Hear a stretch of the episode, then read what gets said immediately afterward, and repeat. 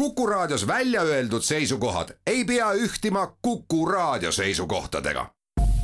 Te kuulate Kuku Raadiot.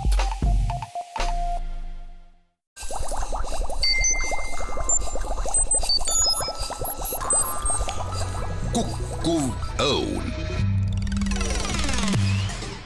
head Kuku kuulajad, Kukuv Õun eetris. täna olen külla kutsunud Lenno Uusküla, kes on Tartu Ülikooli ökonoomika kaasprofessor ja ühtlasi ka Luminori panga peaökonomist.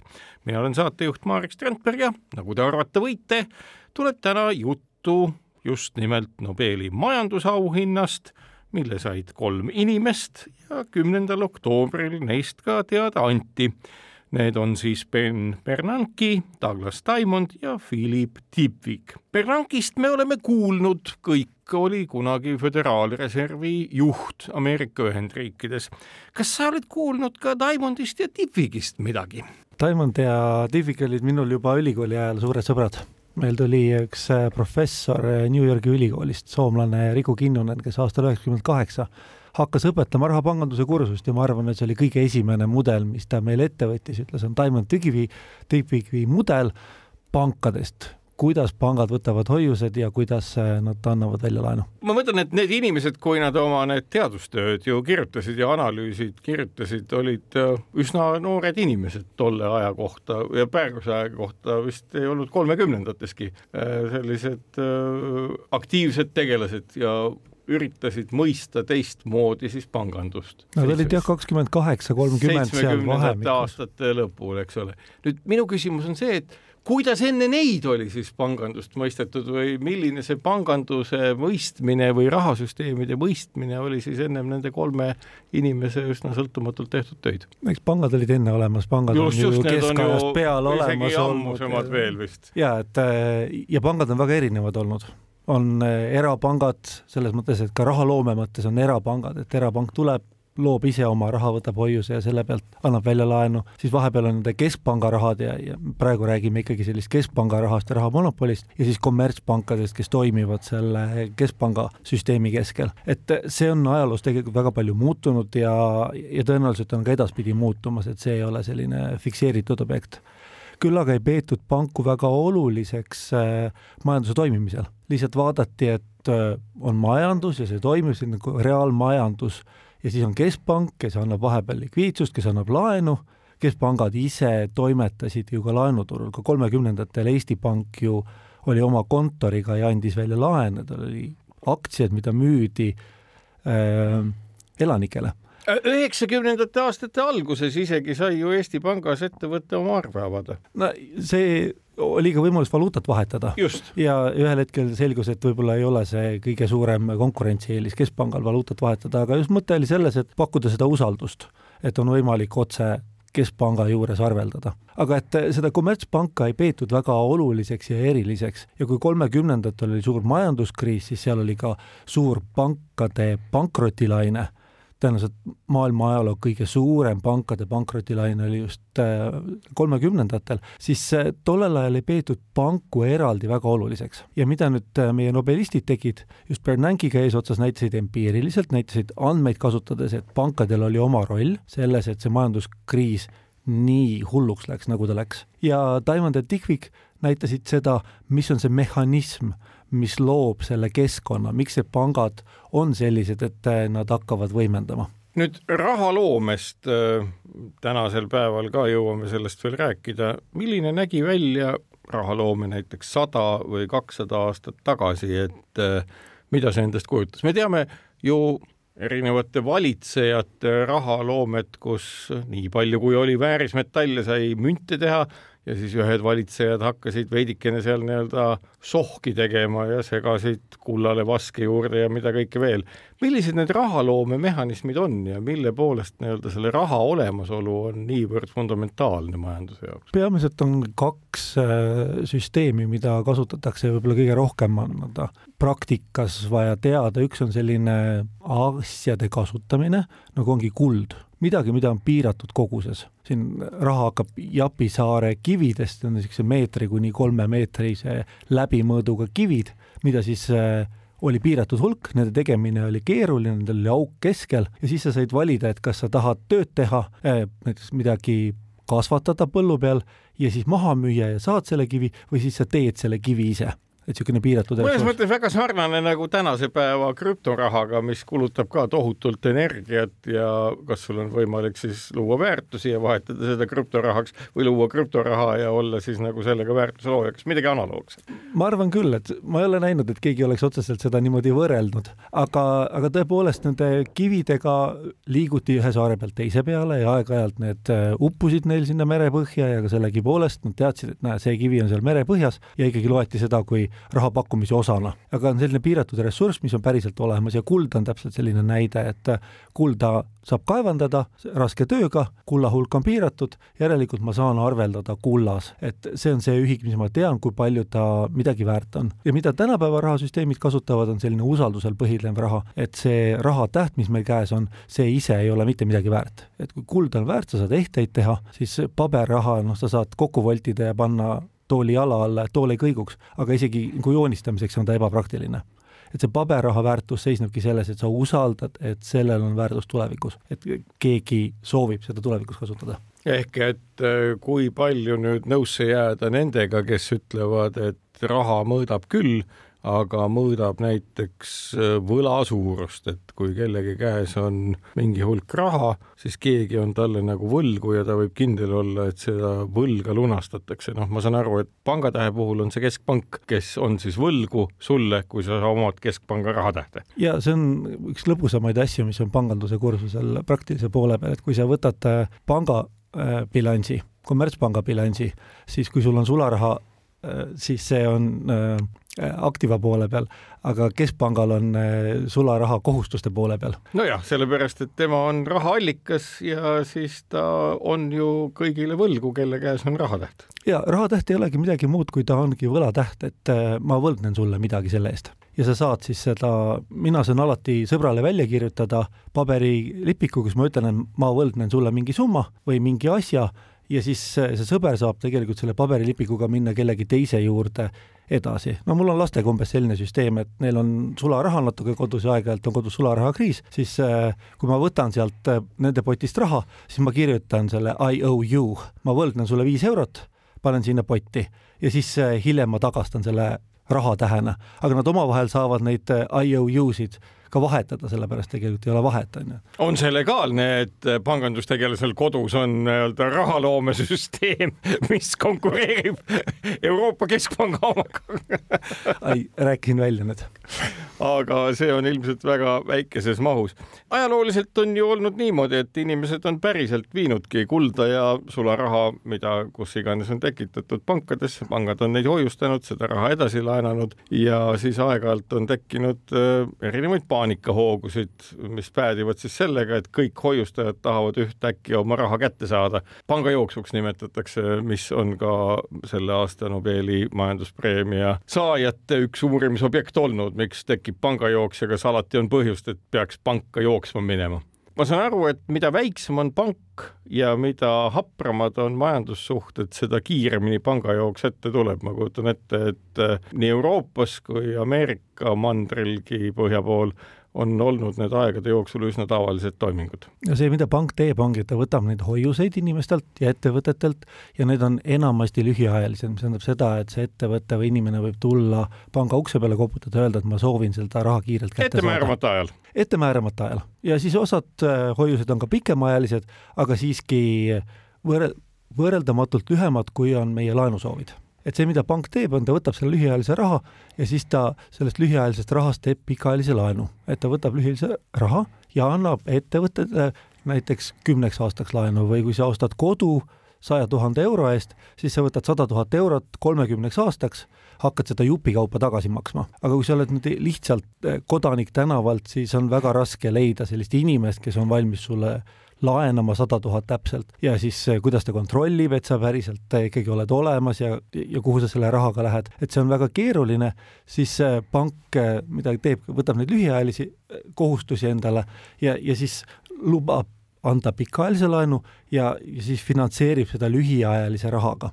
et kui ta saab selle hoiuse, sada tuhat kellegi käest üleöö, ja minul on soov võtta kolmekümneks aastaks laen, siis ilmselgelt sellel järgmisel päeval ei ole pangal seda raha konto peal, seda sadat tuhandet enam, mis ta hoiustajale, hoiustajalt on võtnud.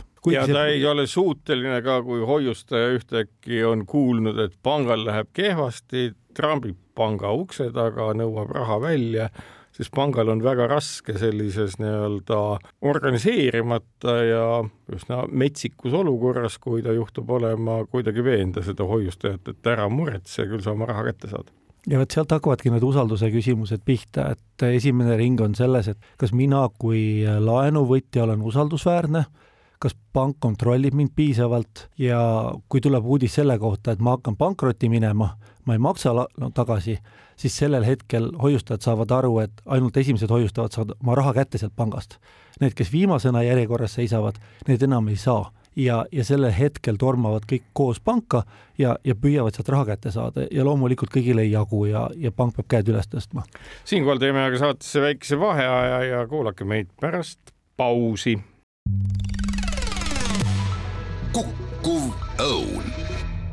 head Kuku kuulajad, Kukkuv õun jätkub külas Lenno Uusküla, Tartu Ülikooli ökonoomika kaasprofessor ja Luminori panga peaökonomist, mina, Marek Strandberg, saatejuht ja räägime Nobeli majanduspreemiatest jõudsime sinnamaani, kuidas pank usalduse kaotab. mainisid, et kolmekümnendatel aastatel oli see täiesti tavaline, eriti tolle suure majanduskriisi ajal, mis tuhat üheksasada kakskümmend üheksa peale hakkas. ma saan aru, et äh, ühe nobelisti nagu uurimustöö põhineski või põhineski nendel andmetel tollasest perioodist ja mida ta näitas, oli see, et äh, väga paljud pangad ei väärinudki pankrotti minekut ja iseenesest olid nad omadega täitsa heas seisus ja majanduskriisi võimendas lihtsalt asjaolu, et kõigile tundus, et pangad ei ole heas seisus. ja siin on kaks asja koos, mis selle pankade pankrotistumisega kaasneb, üks on see ajaline transformatsioon, et hoiustes tehakse laenud, teine on kvaliteedikontroll, et kontrollitakse, et see projekt on hea ja see teadmine, see know-how on pangas olemas. Ja kui pank läheb pankrotti, siis see teadmine läheb kaduma kes on hea klient, kes on halb klient ja, ja kuidas neid hinnata. Kui... kas sellist kontrollimehhanismi siis ütleme panganduses ennem teist maailmasõda üldse olemas ei olnudki? olenevalt riigist, kuidas oli, aga näiteks Eestis eh, kahekümnendatel ei olnud ja aastal kolmkümmend üks eh, on ka Eestis selline panganduskriisi algus, oli Eesti Kommertspank, mis muutus maksejõuetuks. oli kaks panka, kus sai laenu võtta, oli Eesti Pank, kes andis lühiajalist laenu ja oli pikaajalise ajalise laenupank, täpselt seda nime praegu ei äh, suuda meenutada, ja nemad andsid just laenu selleks, et äh, pangad suudaksid siis äh, teenindada oma kliente juhul, kui neil ei ole parasjagu seda raha oma, mitte siis konto peal, aga äh, seal seifis olemas. nüüd, kui see pank läheb pankrotti,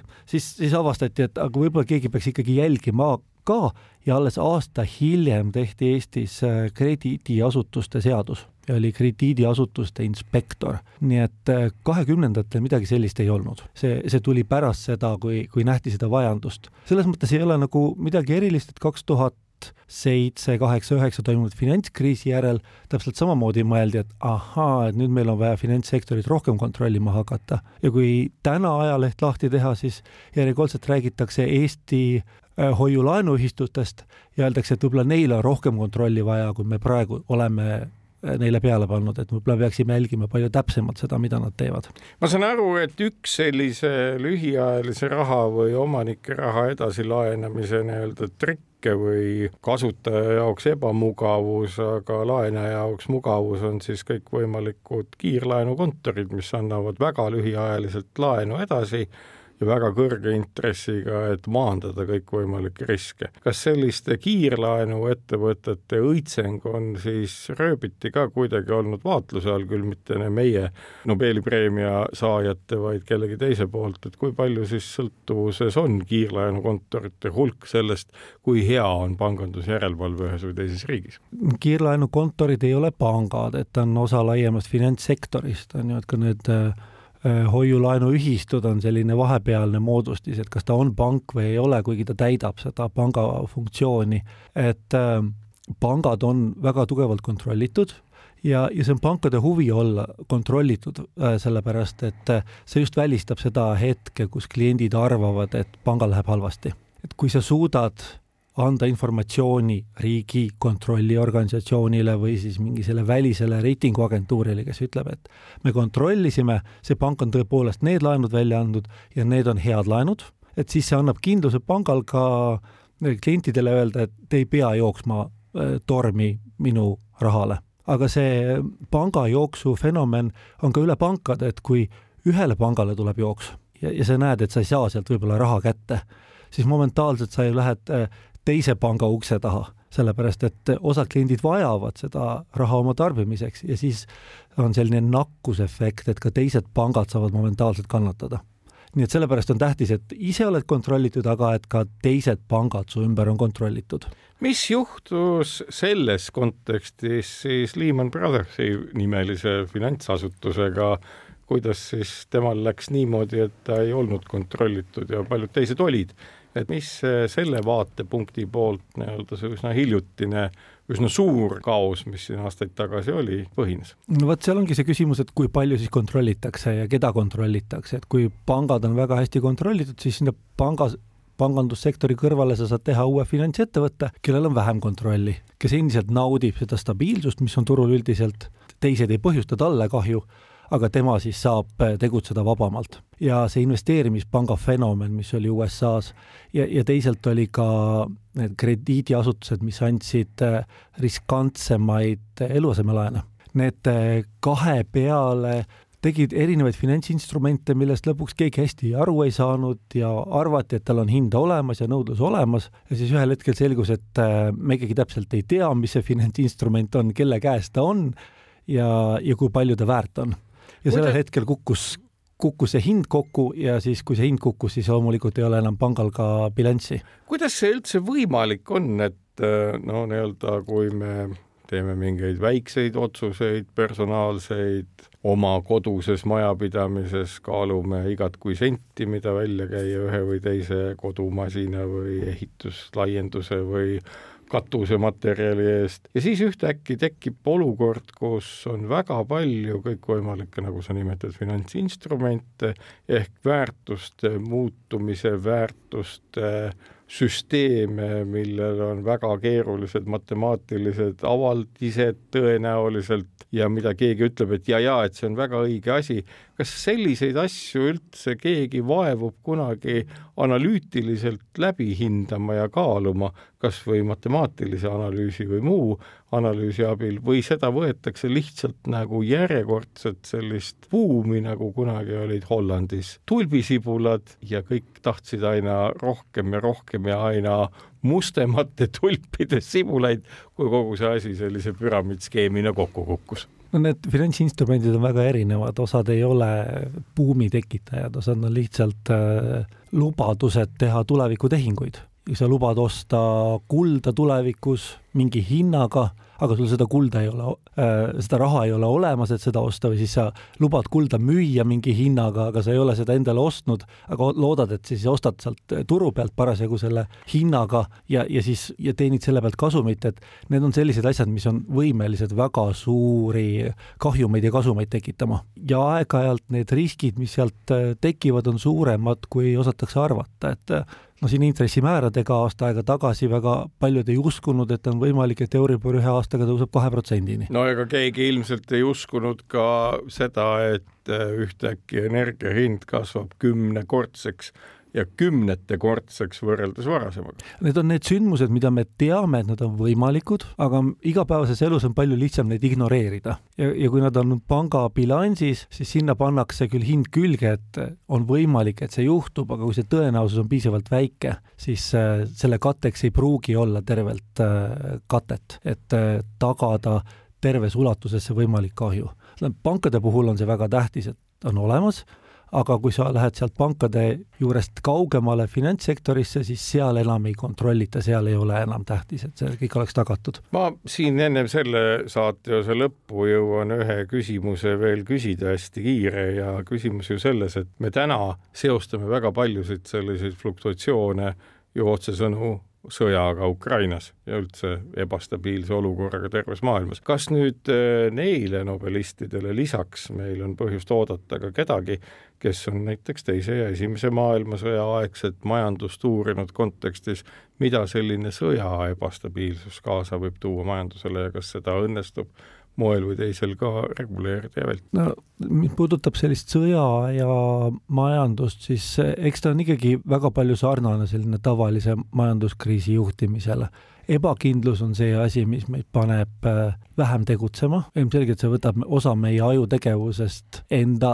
äh, alla, sellepärast et me kogu aeg mõtleme selle peale, et huvitav, mis nüüd saab ja mis nüüd saab. Ja, ja jäävad need päris otsused tegemata. teiselt poolt lihtsalt me ei jäta, lükkamegi edasi ja proovime säästa rohkem, hoida vara, mitte võtta liigseid kohustusi.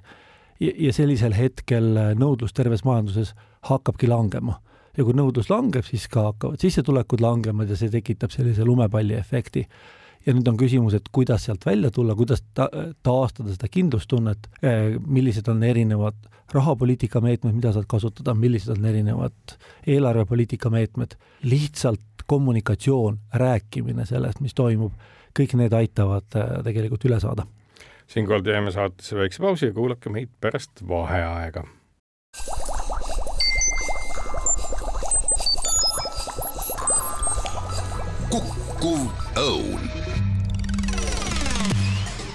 head kuulajad, Kuku Õun jätkub, külas Tartu Ülikooli ökonoomika kaasprofessor Lenno Uusküla, mina saatejuht Marek Strandberg ja kõneleme selle aasta Nobeli preemia saajatest majanduse valdkonnas. ma saan aru, et äh, mõnes mõttes nagu väga paljude äh, Nobeli preemiate saamise teemadega on niimoodi, et tagantjärele laksatavad kõik äh, käega vastu otsa ja siis te ütlevad, et oh, see on ju nii lihtne. ma saan aru, et ka sedapuhku nende nobelistide tähelepanekud panganduse kohta on üsna lihtsad ja üsna selged, aga empiiriliste andmetega kinnitust leidnud. mis need lühidalt siis on, mis siis pärast nende kolme inimese teadustöid on siis panganduses muutunud? Äh, peale nende kolme inimese tööd hinnatakse pangandust palju olulisemana majandustsüklite põhjusena, et sellised eh, reaalsed, reaalmajanduse šokid, lihtsad nõudluse muutused ei suuda genereerida nii suuri majanduslanguseid ja tõusufaase, nagu me näeme. lihtsalt ei ole nagu seda mehhanismi, et me peaksime olema täiesti nagu bipolaarsed, et üks päev terve riigina mitte tarb-, tahta tarbida ja teine päev jälle väga palju tarbida. see ei ole piisav, et pangandus on see, mis äh, on keskkond, kus tekivad need äh, tsüklite võimendused. see on see üks asi, et see tsüklite võimendus, mida pangandussektor genereerib ja järelikult pangad on olulised selleks, et äh, mõista, kuidas majandus üle tsüklite areneb. samas ju panganduse reeglid, kõik, mis puudutavad pangandust, on ikkagi mõnes mõttes ju õiguslikud, mida tõesti teatavad sellised ajus olevad või käitumismustrites olevad motivatsioonid või impulsid toetavad, see on ikkagi inimeste omavaheline kokkulepete süsteem. Või kuidas seda tänasel päeval käsitletakse, et kui paljud neist motiividest, mis inimesi käituma panevad, on väga niisugused fundamentaalsed, noh, piltlikult öeldes sünniga kaasa tulevad, mida siis õigus mingil määral ja pangareeglid nagu markeerivad. Ja kui palju on ikkagi sellist noh, nii-öelda mängureeglit, nagu me mängime reisi ümber maakera või Monopoli või mis iganes mäng, et selles mõttes on see ju üsna selline müstiline valdkond, et äh, inimese enda välja mõeldud reeglite mittejärgimine või mitte järjepidev olemine neis asjus põhjustab meile endale pärast täiesti füüsilisi traumasid. ma ei tea, kas see on reeglite mittejärgimine, see võib olla täiesti loomulik asjade kulg, et kui läheb hästi, siis see võimendab seda heaolu ja ju lubab rohkem teha ja kui tuleb halb uudis, siis see vallandab teistpidise protsessi, mis äh, tõmbab uuesti siis äh, tuju alla ja, ja mm, kõik ümber tundub väga mustana, et, et see võib olla ka selline väga loomulik psühholoogiline protsess, mis on käimas ka siin taustal. kas me võime öelda seda, et paljud reeglid, mille inimesed ise on kehtestanud, on lihtsalt loomult ebatäiuslikud, nagu väga paljud muudki märgisüsteemid on loomult ebatäiuslikud ja ei võimalda kõiki asju lõpuni ju kirjeldada, noh ka lõppkokkuvõttes meie tähele pandud füüsikaseadused või keemia või bioloogiaga seadused ei kirjelda ju kõike, see annab võimaluse teadusel edasi kasvada. kas pangandusega on midagi samasugust, et tahtsime nagu oleks parem, aga välja tuleb nagu ikka, ehk et juhus mängib rolli, mida me ette ei oska näha? ma arvan, need reeglid on ikkagi oma aja lapsed ja nad püüavad reageerida ja püüavad ette näha ja need reeglid, mis äh, tagavad seda stabiilsust, ikkagi aitavad pangandusel äh, ühtlaselt areneda. kui me vaatame neid pangandussuuri kriise, siis neid on ikkagi kord sajandis, kord seitsmekümne aasta tagant, et need ei ole sellised asjad, mis juhtuvad äh, jälle ja jälle ja ühe inimpõlvkonna jooksul, kui on olemas mälu selle kohta, mis toimub. me räägime ikkagi sellisest perioodist, kus on täiesti uus, uued põlvkonnad, kes ei tea, mismoodi vanasti tehti, miks tehti ja, ja see teadmine mõnes mõttes hajub. teine on see, et see maailm ju ei ole kogu aeg sama, see maailm muutub, need viisid, kuidas me asju teeme, on teistsugused, see võime äh, maailmast aru saada on uus ja, ja see toob kaasa jälle uued võimalused, aga uued võimalused tulevad tihtipeale jälle uute riskidega, et sa ei tea, mis see kaasa toob. no vaadake krüptotki on ju, et äh, ilmselgelt on uus asi, ei ole varem olnud. kas sa pead selle täielikult ära keelama, sellepärast et äkki ta tekitab tsüklit? no võib-olla ei pea, on ju, et äh, võib-olla tasub lasta areneda ja vaadata, mis sellest välja tuleb. kuid äh, tegemist on varaga, millel ei ole ju mingit väärtust. on no lihtsalt... sama lugu nagu su kirjeldatud rahal, et mille võib paberina panna laua alla et see ei too jala alla, et see ei kõiguks, aga isegi peale joonistada ei saa. keskpanga raha puhul on teada, kui palju seda on, see on väga limiteeritud kogus ja siis on see usaldus selle keskpanga vastu, et ta tõesti nii palju raha trükib, nagu ta on lubanud või on mingid reeglid, mille järgi seda tehakse. ja alati saab makse maksta selles vääringus. nii et tekitatakse see nõudlus selle raha järgi ja lubatakse selle raha väärtus. ja see inflatsiooni juhtimine, mida keskpangad äh, praegu teevad, ongi just tagamaks raha väärtust, seda raha ostujõudu. krüptovääringutega on see, et ühekaupa nad on kõik piiratud hulgal, neid ei saa lõputult juurde teha, vähemalt enamuse puhul on niimoodi, kuid tervenisti krüptosid saab väga palju juurde teha, et seal ei ole mingit piiri ees, et seal ei ole sellist loomulikku arusaama, et miks peaks sellel väärtus olema ka tulevikus. et ta ongi ainult sellepärast, et äkki on keegi järgmine, kes soovib seda samuti osta. küsin seda, et Bernanke oli ju öö, pärast seda aastaid, kui ta oma tööd ja tähelepanekud panganduse kohta tegi, ka Föderaalreservi juht Ameerika Ühendriikides. kui ta ei oleks olnud Föderaalreservi juht ja seal oleks olnud keegi teine, kes ei oleks sellist uurimust teinud kolmekümnendate aastate majanduskriisi anatoomia ja füsioloogia kohta. kas äh, Ameerikas võinuks minna hullemini, sellepärast et paljud ju Bernanke otsused, mida tookord tehti, ajakirjandusestki meenutan, olid üsna raskelt mõistetavad. Äh, neile vaieldi ajakirjanduses vastu, aga ometi pangajuht, Föderaalreservi juht need otsused tegi ja kriis lõpuks leevenes peetakse praegu ikkagi seda väga oluliseks, et pangad päästeti ja ei ole tähtis alati panga omanikku päästa, vaid tähtis on hoida alles see panga struktuur, see võime eh, hinnata, milline on hea laenuprojekt. ja, ja see on see eriline asi, mis, mida tehti kaks tuhat kaheksa, kaks tuhat üheksa, kaks tuhat kümme, oli see, et päästeti panku ja sellega koos päästetakse ju panga kliendid ehk põhimõtteliselt kaheksakümmend aastat ennem kahe tuhande kümnenda aasta majanduskriisi ja seda majanduskriisi,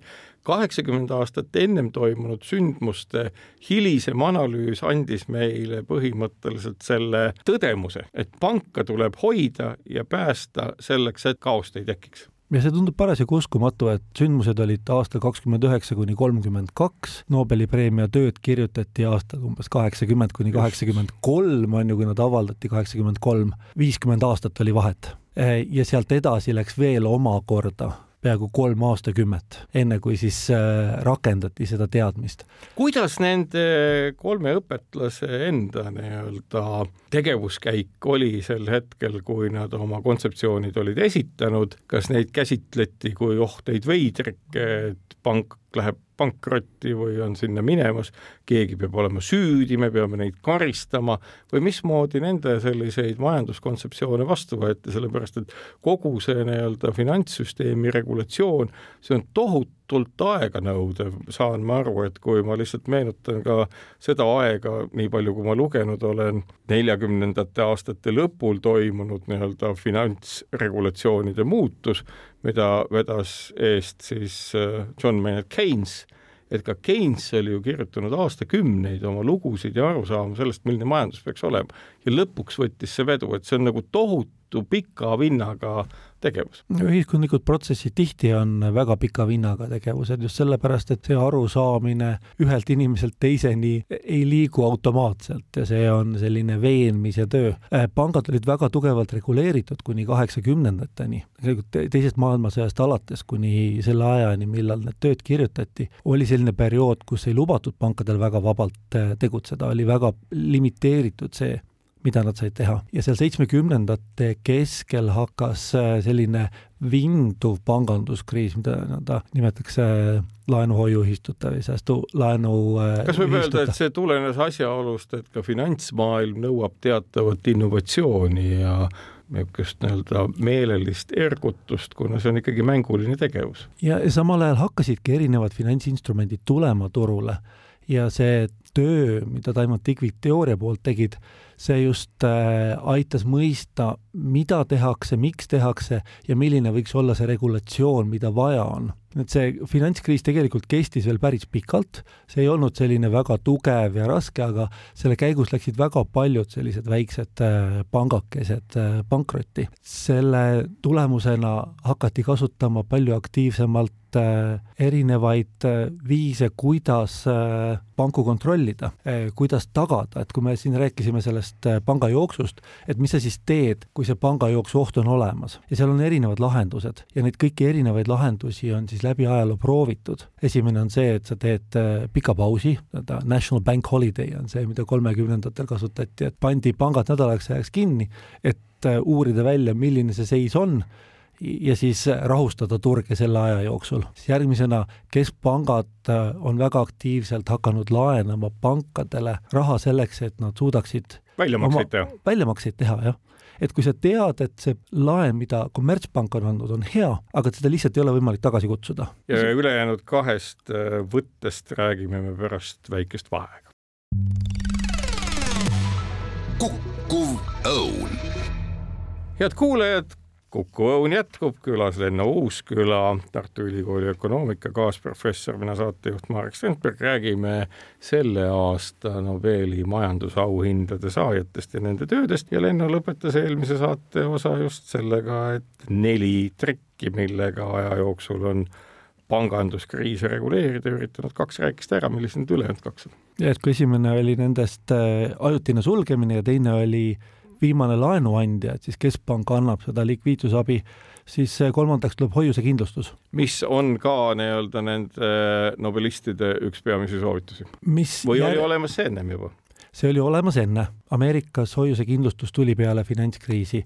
Eestis hoiusekindlustus on minu teada aastast üheksakümmend kaheksa. see hoiusekindlustus annab väikehoiustajale garantii, et ta saab oma raha kätte. ta ei saa seda küll kohe see võtab natukene aega, aga, aga sellegipoolest on see raha päriselt olemas tema jaoks. et Eestis on tagatisfond, kus siis väljamakseid tehakse, kui üks pank peaks minema pankrotti, sa tead, siis see on saja tuhande euro eest, on ühes pangas ühel hoiustajal hoiused tagatud, et selle raha saad tagasi. ja kuna enamusel meist ei ole nii suurt hoiust nagu sada tuhat, siis võib nagu täitsa rahulikult magada, sellepärast et äh, ei ole vaja joosta et halimal juhul tuleb lihtsalt kaks nädalat oodata või kolm nädalat oodata, enne kui see väljamakse tehakse. ja see hoiab ära äh, pangajooksud, pangajooksud mis iseenesest on ju väga mõistlik ja tekitabki selle olukorra, kus nii-öelda rollilt muutunud pangandus, õigemini, panganduse roll, ma saan aru, on kogu aeg sama olnud, lihtsalt meie arusaam sellest, milline see roll on olnud, on muutunud. meie arusaam ja, ja see, see, kuidas täpselt pangad käituvad, see on ka muutunud ikkagi. ja see neljas trikk kui nii võib öelda. ja neljas on äh, järelevalve, et kui hoiusekindlustus on kuni saja tuhandeni, siis osadel hoiustajatel on rohkem konto peal raha ja ettevõtted on näiteks ühed nendest, kellel on rohkem raha, ettevõtete hoiused ei ole ju tagatud ka üldse, siis nemad peavad jälgima, et äh, pank käituks viisakalt.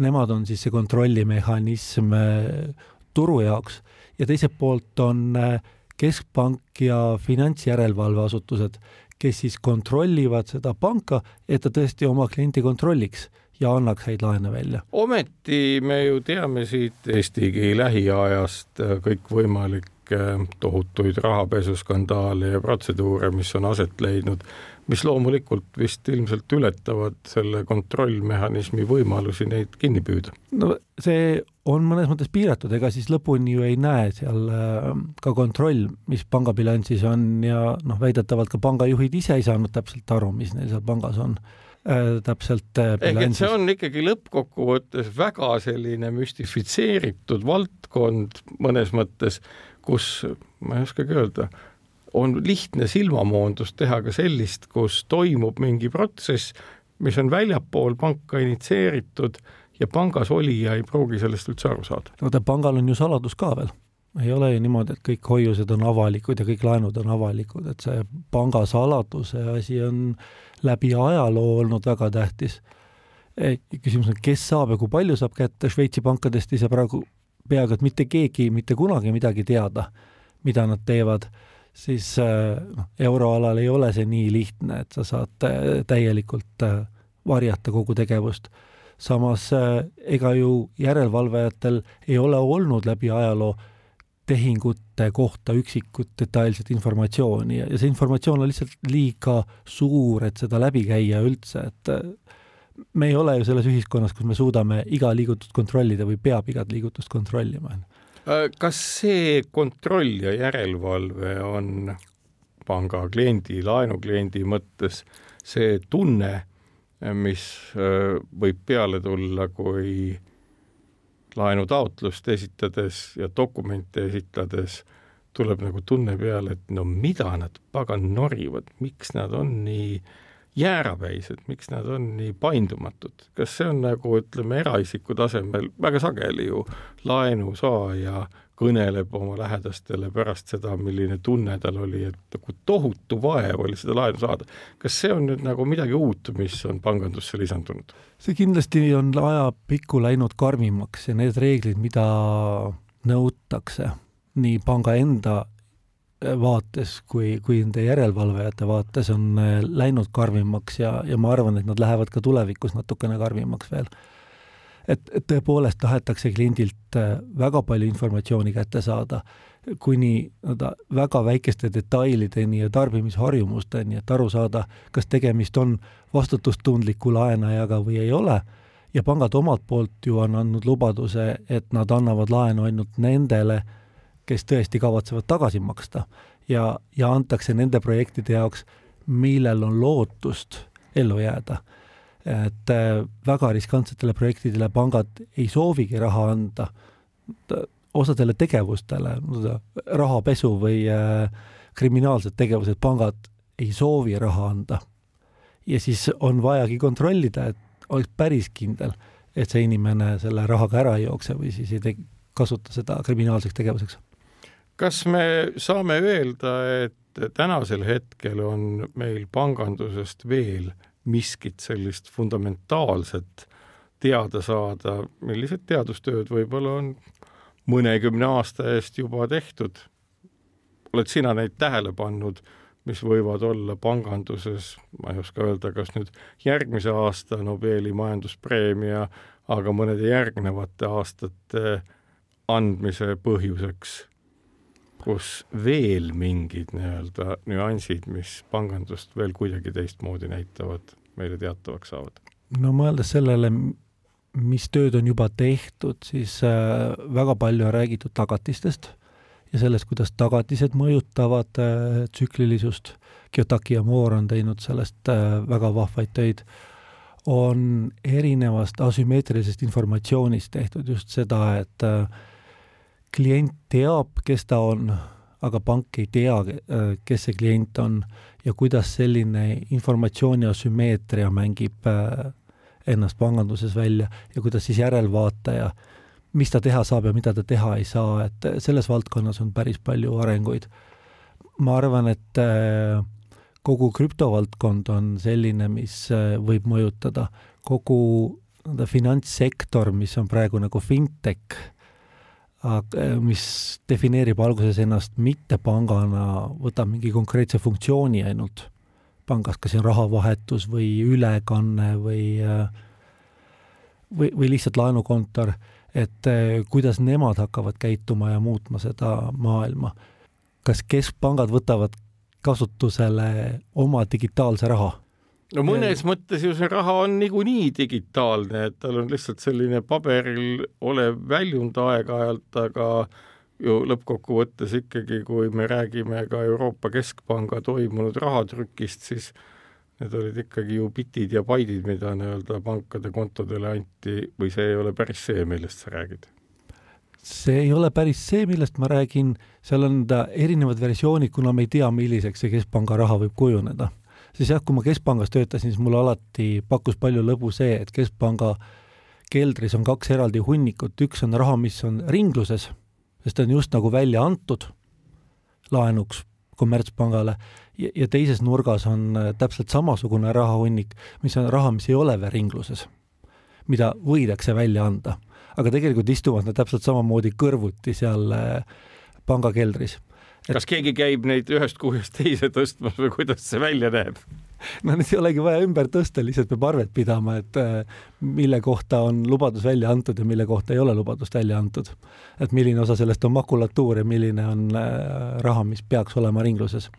küsimus on selles, et kui see keskpanga raha tuleb, et kas seda saab ka edasi laenata, kas seda saab jälitada, et kes seda kasutab ja, ja kui palju kasutab, et siin on ka erinevaid kasutusviise, kui mõelda keskkonna arengute peale, et äh, kui on vaja laenu anda, mis on suunatud just keskkonna hoidmisega seotud projektile, siis on Keskpanga digirahaga võimalik võib-olla palju lihtsamalt jälitada, kuhu see raha välja on jõudnud.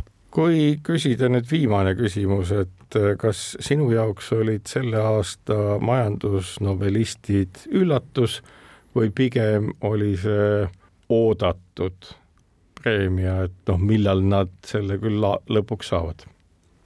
Nad olid pigem oodatud, äh, sellepärast et äh, tegemist oli tõesti töödega, mis äh, formaliseerisid seda teadmist, mis meil natukene ühejalgne oli ja natukene lonkas ja, ja tänu nendele tõesti meie maailm praktikas on muutunud, meie maailm ongi teistsugune.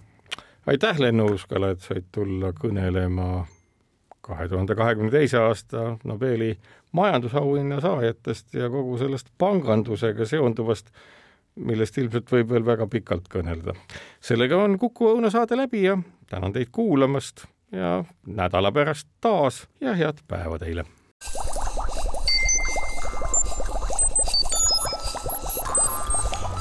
Kuku Õun